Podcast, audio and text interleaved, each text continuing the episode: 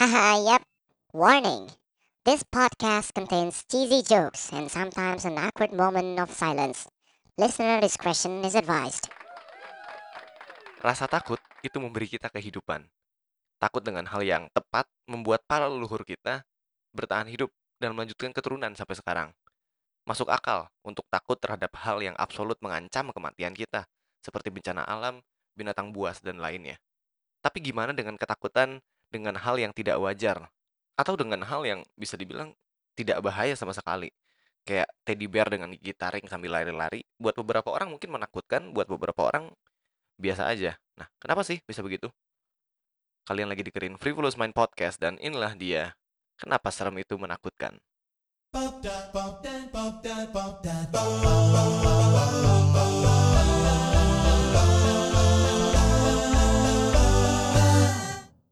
Oke, episode ini tentang serem-sereman. Kenapa tentang serem-sereman? Karena pas banget hari ini hari Halloween. Jadi gue bikin episode Halloween special. Uh-huh. Dan eh by the way, gue pikir-pikir nyambung juga ya. Nyambung sama episode kemarin. Kemarin kan kenapa eh bagaimana manusia berakhir kalau sekarang setelah berakhirnya mungkin ya karena kita ngomongin banyak tentang hantu juga dan apa yang bikin hal itu serem. Maksudnya yang yang bikin hal itu serem di sini adalah kenapa satu hal itu bisa menyeramkan, bisa menakutkan, tapi satu hal lain enggak.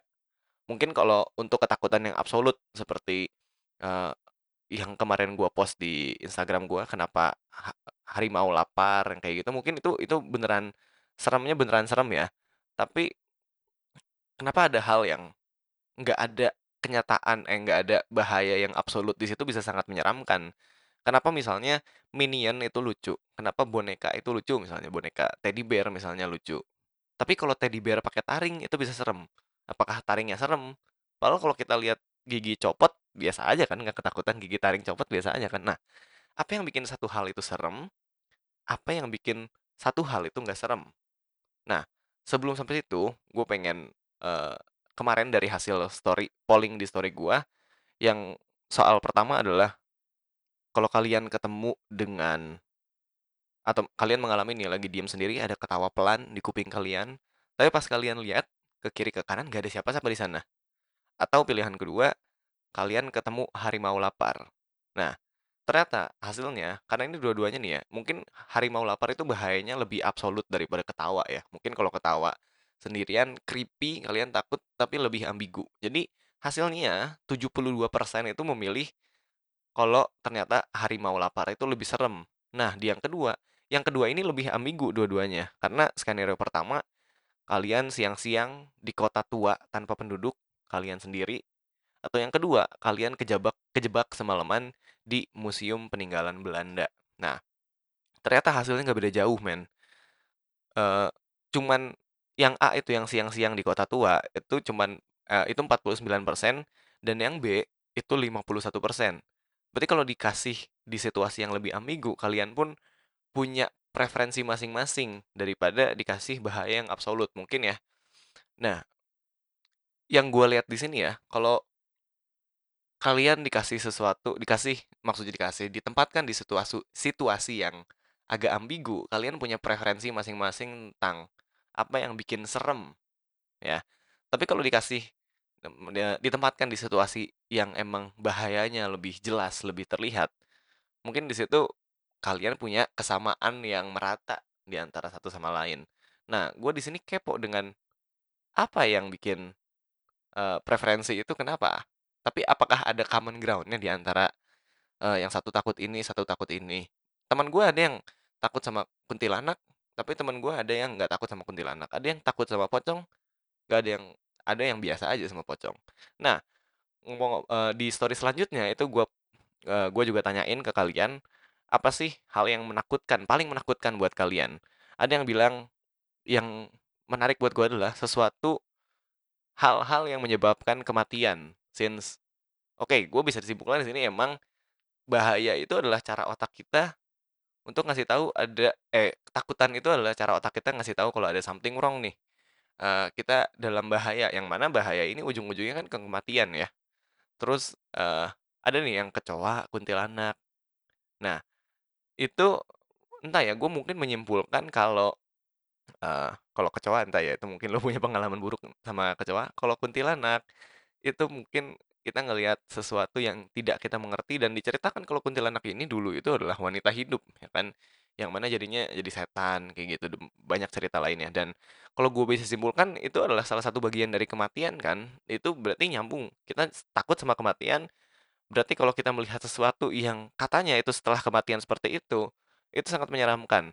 Nah, tapi ada yang paling abstrak di sini, yang mungkin, eee, cukup jauh sama kematian. Ada satu orang yang bilang dia takut sama orang bau. Karena tapi mau baunya di sini katanya bau bau orang yang mager tapi bau, bukan bau pekerja. Katanya kalau dia bau kalau bau pekerja sih oke-oke aja. Eee, maksudnya dia apresiasi bau keringat dari seorang pekerja, asik.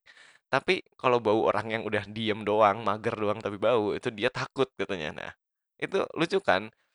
Terus ada yang takut dengan suara galon tengah malam. Damn man, su suara galon tengah malam. Itu kan gimana ya, kalau bisa dibilang itu sesuatu yang sangat jauh dari kematian ya. Nggak ada bahaya yang bener-bener bahaya di situ, tapi kenapa orang bisa takut sama galon? Tadi kecoa, mungkin ya kecoa ada sedikit mendekati kematian ya, since mungkin kecoa membawa banyak bakteri, penyakit, mungkin lu bisa mati gara-gara kecoa, nggak tahu ya. Tapi itu, hal apa yang bikin orang ini takut? Hal apa yang bikin ini orang enggak? Terlepas dari bahaya yang absolut, ya kan? Apakah kenapa orang diem sendirian di tempat gelap, itu takut tapi ada yang enggak? Nah, apa yang bikin hal itu menakutkan? Apa yang bikin hal itu tidak menakutkan?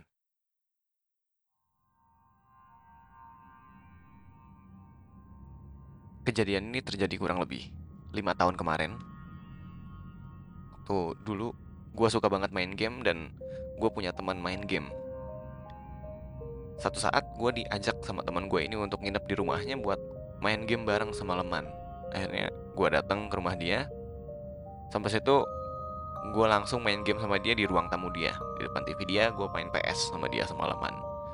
Akhirnya nggak lama jam udah nunjukin pukul 3 dan di situ pun kita berdua udah ngantuk kita berdua udah capek dan akhirnya ya udah kita memutuskan untuk tidur gua waktu itu tidur di kamar dia nah mungkin karena dia udah sangat lelah dan terbiasa dengan rumahnya dia langsung tidur pules nggak sampai 5 menit dia udah kedenger ngoroknya. Sedangkan gua gua mulai ngeliat-liat kamar dan ternyata gua baru sadar di kamarnya dia gua awalnya agak aneh kenapa teman gue ini nyimpen foto muka orang serem banget ya. Karena gue liatin makin lama makin serem foto orang ini kayak kayak ngeliatin gue bengis banget ini orang. Akhirnya ya karena gue ketakutan juga akhirnya gue tidur gue hiraukan itu gue ngebalik gue lihat tembok yang polosnya bagian tembok polosnya dan gue tidur. Pagi-paginya gue bangun dan gue sadar gue kaget sekaget-kagetnya kalau ternyata tadi malam itu bukan lukisan itu tuh jendela. Akhirnya gue panik gue langsung siap-siap mau pulang tapi teman gue nggak ada di sana gue pengen pamit nggak enak dan ternyata dia keluar dari kamar mandi ada suara air kamar mandi dia keluar dan gue emang cenderung orangnya langsung cerita bisa dibilang sompral ya. Sompral tuh apa ya, ya asal ceplos kalau ngomongnya kayak gitu. Akhirnya ceritain tadi malam gitu. Dan teman gue ketawa kayak oh iya emang emang di sini udah biasa katanya emang agak angker. Tapi karena gue udah biasa tinggal di sini ya jadi gimana ya udah nggak takut lagi. Oh ya udah akhirnya dia sebelum sebelum gue pulang memutuskan untuk ayo main sekali lagi. Karena emang situasinya udah mencair kita udah ngobrol dikit-dikit akhirnya rasa takut gue mulai menghilang. Dan ya udah gue memutuskan untuk ya udah. Dan dia jalan duluan dia nutup pintu duluan sambil gue bilang gue pengen beresin barang dikit-dikit. Dan ternyata baru sampai pintunya ketutup. Baru sampai pintunya ketutup HP gue bunyi gue ditelepon. Dan yang teleponnya adalah temen gue temen gue tersebut. Dia bilang cuy lu mau makan apa? Gue ini dari tadi lagi keluar lu udah bangun belum? Sorry ya gue tinggalin gue di situ kaget. Gue di situ speechless. Gue nggak ngomong apa-apa. Gue tutup teleponnya. Sampai tiba-tiba pintunya ada yang ngebuka pelan-pelan.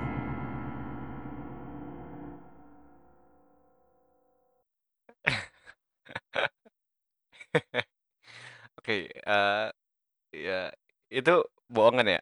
Maksudnya ya gue pernah nginep di temen gue main game bareng tapi tidak ada cerita horornya itu itu gue buat-buat aja supaya nyambung sama episode sekarang. Oke, lanjut ya. Itu tadi kan tentang horor, tentang rasa takut. Nah, gua kepo awalnya, bukan awalnya kepo, emang selalu kepo. Kenapa sih orang bisa takut sama satu hal ini, tapi sama satu hal tuh enggak? Terus gue cari perbedaan di antara hal-hal tersebut. Kayaknya tiap orang tuh variabelnya beda-beda. Ada yang orang tukut, tukut, takut sama misalnya balon, ada yang enggak. Dan uh, kalau misalnya teman gue yang takut sama balon nih, gue nanya kenapa, dan gue tanya dengan orang lain yang takut juga dengan balon, alasannya kenapa, itu alasannya beda-beda.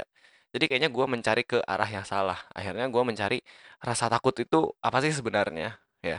Gue cari dari rasa takutnya ini sendiri. Dan kalau dilihat ke belakang ya, secara biologis, secara uh, psikologinya manusia mungkin ya, rasa takut ini sebenarnya manfaatnya adalah untuk cara otak kita cara kita untuk bertahan hidup, ya kan? Dengan adanya rasa takut, kita bisa survive. Kebayang kalau lu nggak takut sama apa pun, lu lihat ada mobil tengah jalan, lu jalan, eh, ada mobil tengah jalan lagi ngebut, lu lewat aja, dar, kan udah mati dari kapan ya?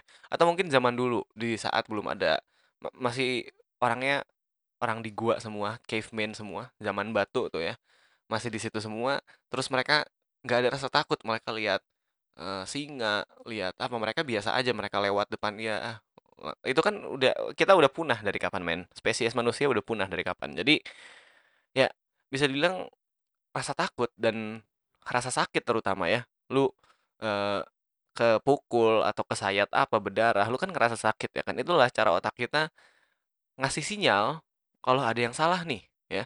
Kalau rasa takut berarti Mungkin, uh, salah satunya terbentuknya dari pengalaman ya. Kalau lu pernah ketemu singa atau lu pernah ketemu apa dan ternyata lu di situ mengalami pengalaman yang tidak menyenangkan.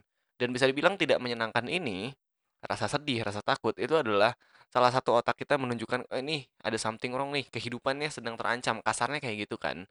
Jadi intinya otak kita merasakan bahaya, merasakan sakit itu adalah sinyal, adalah cara otak kita ngasih tahu ke kita sendiri kalau ini something wrong nih, ini ada yang potensi mengancam kehidupan kita. Nah, akhirnya terbentuklah rasa takut ini sendiri, ya kan? Nah, tapi yang anehnya di sini rasa takut kan makin sini mulai berevolusi nih, ya. Yang awalnya mungkin zaman dulu itu takut dengan hal-hal yang absolut, lihat binatang buas, bencana alam, tapi semakin sini, semakin dengan perkembangan zaman ini, anehnya rasa takut tuh macam-macam entah dari fobia atau situasi-situasi yang mungkin zaman dulu biasa aja sekarang serem, ya kan? Uh, apa ya, badut misalnya. Badut mungkin awalnya diciptakan badut ini kan untuk ngehibur ya, uh, untuk jokes, untuk ditertawakan, tapi entah kenapa makin sini bergeser nih adanya film It. It apa IT sih ya, intinya film itu ya. Nah, itu dibikin serem, Joker ya. Lu yang udah nonton Joker kemarin, itu kan badut ya. Tapi kenapa dibuat menyeramkan? Dan kenapa emang orang jadi takut juga dengan badut? Atau dengan situasi yang ambigu, lu, uh, sendiri malam-malam misalnya lu ngelihat ada yang ngeliatin lu dari jauh, atau lu merasa diliatin, lu merasa diawasin. Itu buat gua sesuatu terasa takut yang abstrak. Mungkin kalau lu masih kecil, lu masih jadi anak kecil nih ya, masih jadi anak kecil, uh, lu diliatin kayak gitu sama orang mungkin perasaan lu biasa aja, ya. Mungkin salah satunya rasa takut seperti itu ya, dibentuk oleh budaya dan pengalaman juga. Dengan dengan kita belajar dengan misalnya lu waktu kecil ngala diliatin orang dari jauh atau liatin sesuatu dari jauh. Diliatin sesuatu dari jauh, lu mungkin ngerasanya kayak biasa aja, ya udah gitu. Uh, tapi mungkin di waktu itu yang ngeliatin lu atau apa, lu somehow dia ngedeketin lu, menyakiti lu atau dari situ lu mengalami kejadian yang menyakitkan, entah lu lagi diliatin kesandung terus berdarah atau misalnya apa. Mungkin di situ itu menjadi pengalaman lu jadi uh, salah satu bagian dari insting lu kalau kejadian dan situasi seperti itu menyeramkan. Nah, akhirnya gue cari ini, uh, gue cari lagi yang pastinya tuh apa sih di manusia zaman sekarang yang bikin menyeramkan itu apa sih? Lu kadang-kadang kalau nonton film horor suka gimana ya? Gue sih suka heran ya dengan sesuatu yang bukan konkret, bukan binatang buas, bahkan mungkin kalau di film horor setan ini belum muncul nih ya. Ya, salah satunya juga emang film horor udah di-set seperti itu mungkin jadi lu akan aware kalau, "Oh, ini nih bentar lagi setannya keluar." Tapi terlepas dari situ, kenapa hal-hal yang sangat abstrak di rumah misalnya atau sekarang banyak juga kan film horor film horor film film horor siang-siang tapi lu udah mulai mulai merasa mencekam di sini, apa sih yang bikin mencekam mencekam ini? Nah, akhirnya gue cari dan gue menemukan, eee, salah satu, eee, yang bikin creep out, yang bikin horor itu apa sih? Gue nemu dari Stephen King. Stephen King ini penulis novel holo novel horor di Amerika. Dia juga, eee, yang lu udah nonton film It atau IT itu, nah itu dia penulisnya. Dan Shawshank Redemption itu juga dari dia. Dia bilang kalau horor itu, rasa takut itu kalau pengen buat nih, kalau pengen lu buat sesuatu yang menakutkan tuh ada 3 jenis. Ada gross out, ada horor, ada teror. Nah, pertama dari gross out. Gross out itu gross ya, menjijikan berarti kan. Berarti sesuatu yang menjijikan, sesuatu ya mungkin lu kalau lihat film-film zombie, setan, atau film monster, itu pasti lu ada, eee, si monsternya ini, si antagonisnya ini dibikin menjijikan ya. Entah ada kutilnya atau ada cairan-cairan nggak jelasnya gitu kan. Biasanya monster tuh seperti itu, terutama zombie ya kan. Zombie tuh dibikin kotor, dibikin uncanny. Nah, uncanny buat yang lu belum tahu, Uncanny Valley ini juga salah satu yang bikin horor tuh ini ya, nanti kita balik lagi ke Stephen King. Eee, uncanny ini adalah sesuatu yang menyerupai manusia, menyerupai makhluk hidup, tapi ada sedikit perbedaan yang terlihatnya janggal, terlihatnya mengganggu. Kayak lu ngelihat orang biasa nih ya, mukanya biasa, anggaplah cewek, cewek lu lihat anggaplah cewek ini biasa, badannya biasa, rambutnya biasa, tapi matanya itu dari kancing warna hitam. Lu coba bayangin deh, coba bayang. Itu menyerupai manusia, tapi ada bedanya kan, dan bedanya ini mengganggu kan. Nah, itu uncanny. Oke, balik lagi dari Stephen King, ada gross out. Pertama menjijikan ya, dan juga, eee, berhubungan dengan disease atau penyakit ya. Ini nggak harus kalau film zombie mungkin disease-nya lebih konkret. Konkretnya di sini maksudnya kalau lu digigit zombie atau lu kena air liurnya atau somehow apa pun lu berinteraksi sama zombie, lu akan ketularan penyakitnya. Itu juga bikin serem. Berarti ujung-ujungnya kan mendekati kematian juga. Atau disease-nya di sini adalah penyakitnya di sini adalah si antagonisnya ini, si sosok yang menyeramkan ini terlihat seperti punya penyakit, terlihat menyakitkan. Kalau lihat film hantu ya, lihat film monster, zombie, itu mereka terlihat seperti yang menyakitkan dan punya penyakit jatuhnya. Kalau zombie contohnya, itu kan ya dia jelas udah punya penyakit. Kalau misalnya di film hantu-hantu lainnya, disease-nya di sini ya, eee, apa ya, hantu apa ya, hantu jeruk purut tuh ya, yang yang nggak ada kepalanya tuh. Nah, itu kan sebuah penyakit, sebuah, eee, refleksi dari rasa sakit kan, kepalanya dipotong dan kita serem kan, kita jijik juga karena ada darahnya dan kita tahu dia sakit, itu mungkin salah satu yang bikin seremnya, ya.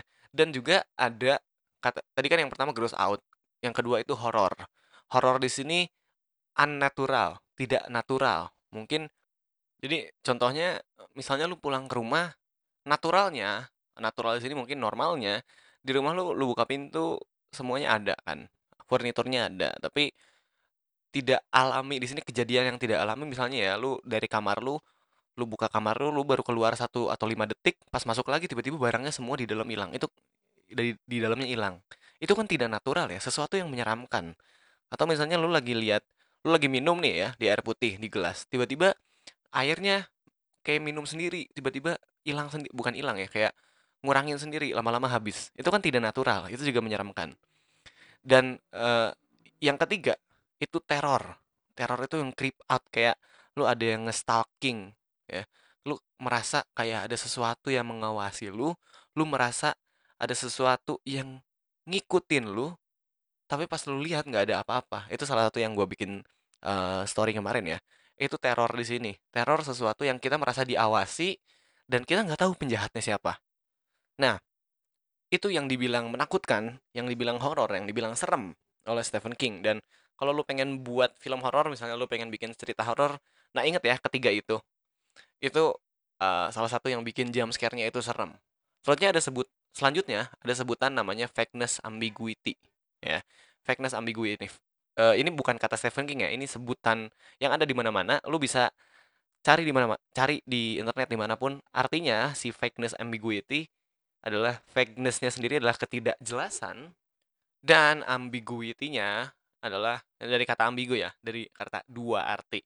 Nah, berarti vagueness ambiguity ambiguity ini adalah ketidakjelasan dari dua arti. Maksudnya, biasanya kejadian atau fenomena atau sebutan vagueness ambiguity ini dipakai contohnya itu dalam topeng. Topengnya di sini maksudnya lu kalau di film-film horor atau film-film thriller ya yang teror seperti itu, biasanya sering banget lu ketemu antagonis yang pakai topeng.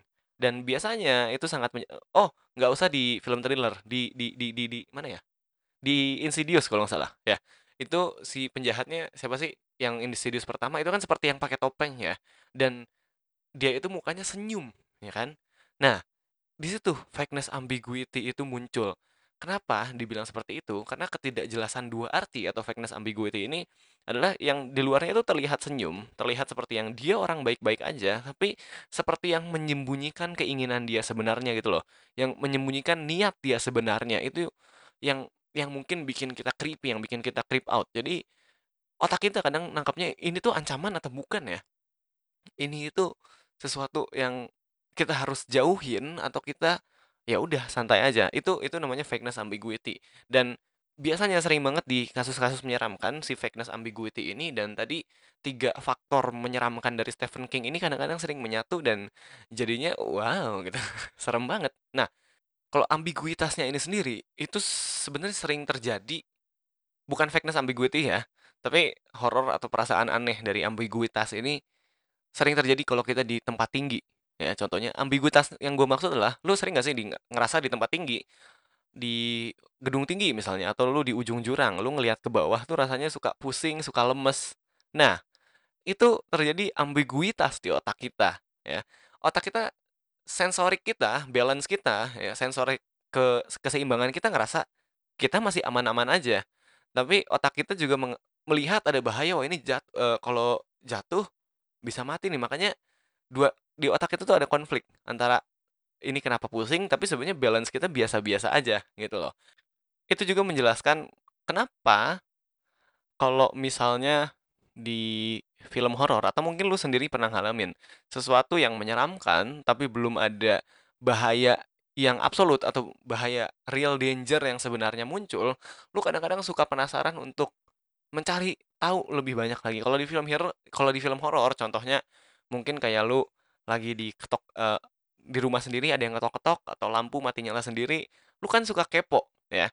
Ter balik lagi itu gimana fight and flight situation si orangnya sih. Ada orang yang langsung lari, ada orang yang emang penasaran. Nah, tapi kalau yang penasaran ini biasanya dibarengin rasa takut juga kan, karena ada ambiguity-nya itu. Otak kita ngerasa kayaknya kita fine-fine aja deh. Tapi ada bagian otak juga yang bilang, "No man, situasi kayak gini kayaknya bahaya deh." Nah, itu itu juga Eee, ada konflik kan dalam otak kita itu ambiguitas yang terjadi dari otak kita, dan itu salah satu yang menjelaskan kenapa creepy ya, situasi-situasi seperti itu tuh creepy, mencekam ya, karena otak kita mengalami ambiguitas. Nah, terus yang gue tangkap di sini, kalau lu udah pernah denger episode gua yang "Kenapa Manusia Bertanya", gua di situ dijelasin fictional reality ya. Sebenarnya mungkin kejadian-kejadian ini tidak akan begitu menyeramkan ya kalau tidak ada cerita turun-temurun, kalau tidak ada hearsay dari orang lain, tidak ada gosip. Misalnya, "Eh, di salah satu sekolah di sini tuh serem loh, ada noni Belandanya," atau "Rumah sakit ini tuh banyak setannya loh." Mungkin kalau nggak ada kayak gitu, itu pas masuk situ biasa aja, tidak akan terjadi atau tidak akan merasa situasi yang benar-benar mencekam. Dan cerita-cerita seperti itu, itu kan masuk nih ke realitas fiksi kita. Kita membayangkan, akhirnya nggak usah di tempat tersebut, di tempat biasa aja ya, malam-malam di tempat biasa, kalau lu sendiri atau lu mengalami sesuatu yang Eee, mungkin menurut lu agak mencekam, lu di situ mulai berfiksi kan, lu mulai membayangkan apa yang akan terjadi dan lu membayangkan bentuk-bentuk anehnya di situ, ya kan. Mungkin, eee, binatang lain ya, seperti gorila, mo monyet-monyet lainnya, mereka itu takut dengan ya mungkin kalau ada situasi yang mencekam, misalnya sepi, terus ada bunyi-bunyi aneh di situ, mereka cuman menganggap itu sebagai potensi ancaman, tapi mereka nggak benar-benar creep out gitu loh. Nah, tapi mungkin manusia itu satu-satunya yang ngalamin, "Oh, ini mungkin setan, ini ini." Di saat kita dalam situasi seperti itu, kita mulai membayangkan nih, kayaknya, eee, sosoknya akan seperti ini, kayaknya ininya akan seperti ini, dan banyak banget. Ya, itu gara-gara kita berfiksi juga rasa takut rasa takut kita juga jadi double-double gitu kan. Banyak menurut gua rasa takut yang lahir karena manusia itu bisa berfiksi, punya fictional reality. Salah satunya yang yang paling sering aja takut kehilangan uang atau takut nggak punya uang atau takut miskin ya. Itu banyak banget dialami sama orang zaman sekarang. Karena sebenarnya uang ini kan hasil fiksi ya. Bukan iya uang itu produk fiksi, produk fictional reality. Dan cuman manusia spesies satu-satunya yang takut miskin. Padahal hewan itu ya, binatang lainnya selain manusia itu miskin. Mereka nggak punya uang kan. Kalau eh, patokan kaya dan miskin lo adalah uang dan materi, mereka nggak punya apa-apa. Mereka telanjang ke mana-mana, tapi mereka tetap makan dan survive kok. Kita doang yang takut dengan uang. Itu kita takut dengan fiksi, ya. Dan selanjutnya kalau rasa takut, ada kan yang namanya fobia. Kalau lu nanya terus dari semua itu kalau fobia itu munculnya dari mana sih? Nah, kalau fobia ini gua mikirnya nggak cuman di manusia ya, tapi mungkin manusia pun lebih kompleks. Fobia itu biasanya muncul dengan fobia kan ketakutan dengan hal sesuatu yang tidak wajar untuk ditakuti. Misalnya ta- takut sama balon, takut sama buku, takut sama nasi. Kan ada ya orang yang fobia dengan hal-hal seperti itu. Yang gue tangkap, kebanyakan orang yang fobia itu pengalamannya biasanya ya pengalaman dengan hal yang tidak wajarnya itu diberang, dibarengi dengan pengalaman dia yang menyakitkan. Misalnya lu zaman dulu lagi kecil nih, lagi megang balon atau lagi beli balon, tiba-tiba lagi beli balon, lu dipukul sama orang atau lu kesandung atau apa, dan balonnya meledak dan somehow itu salah satu pengalaman yang paling menakutkan buat lu. Nah, dari situ sebenarnya korelasi yang tidak langsung, hubungan yang tidak langsung antara balon dan pengalamannya itu membuat lu takut dengan balon somehow. Dan banyak lagi contohnya. Sebenarnya kalau fobia ini bisa dijelasin di salah satu teori psikologi namanya teori psikoanalisa, ya. Itu gua nggak akan jelasin di sini. Mungkin kalau misalnya banyak yang minta untuk dijelasin teori itu boleh nanti gue bikin episode khusus tentang psikologi. Dan oh iya, ngomong-ngomong rasa takut kan biasanya sekarang ya manusia zaman sekarang nih ketakutan manusia akan hewan buas since kita dikelilingi oleh eh, lingkungan yang relatif aman ya sudah maju teknologi dan perkembangan dan zamannya sekarang ya itulah maksudnya gua lu ngerti lah. Ketakutan kita bergeser kan zaman dulu itu ya zaman masih kita tinggal di gua kita hidup masih nomaden nih manusia. Ketakutan kita adalah tidak makan dan dengan hewan buas di sekitarnya. Tapi semakin sini ketakutan kita bergeser. Tadi salah satunya ketakutan terhadap uang. Sekarang ketakutan terhadap hantu. Nah kalau ngomong-ngomong hantu kalau ditanya percaya atau enggak gini ya gini ya. Kalau di luar kalau eh, maksudnya bukan di luar gua pun teman-teman gua yang Eee, sompral atau yang skeptis, itu cenderung tidak takut dengan hal yang seperti itu dan mereka belum pernah mengalami. Dan kalau lu tanya ke gua sendiri, apakah gua takut dengan hal yang seperti itu?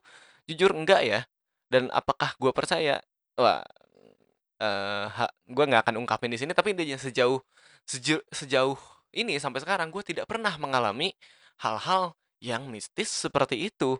Bahkan gimana ya, eee Gue pernah tidak pernah mengalami hal yang mistis dan gue termasuk orang yang, eee, orang yang sompral, orang yang ceplas-ceplos. Di tempat angker gue suka ngomong yang harusnya nggak ngomong, gue omongin aja gitu. Karena ya udah ma malah buat gue, gimana ya, kalau buat gue tuh kalau ada yang seperti itu, itu akan sangat menarik untuk diteliti kan. Sains itu akan meneliti jauh ke sana dan kalau ada, gue gua akan teliti gitu loh. Maksudnya sampai sekarang kan gue nggak pernah Oi, iya iya maksudnya kan sampai sekarang gue nggak pernah siapa sih? Hmm, iya iya, sampai mana tadi? Ya, ya ya udah ya. Intinya gitu, gua nggak pernah ngalamin yang namanya kejadi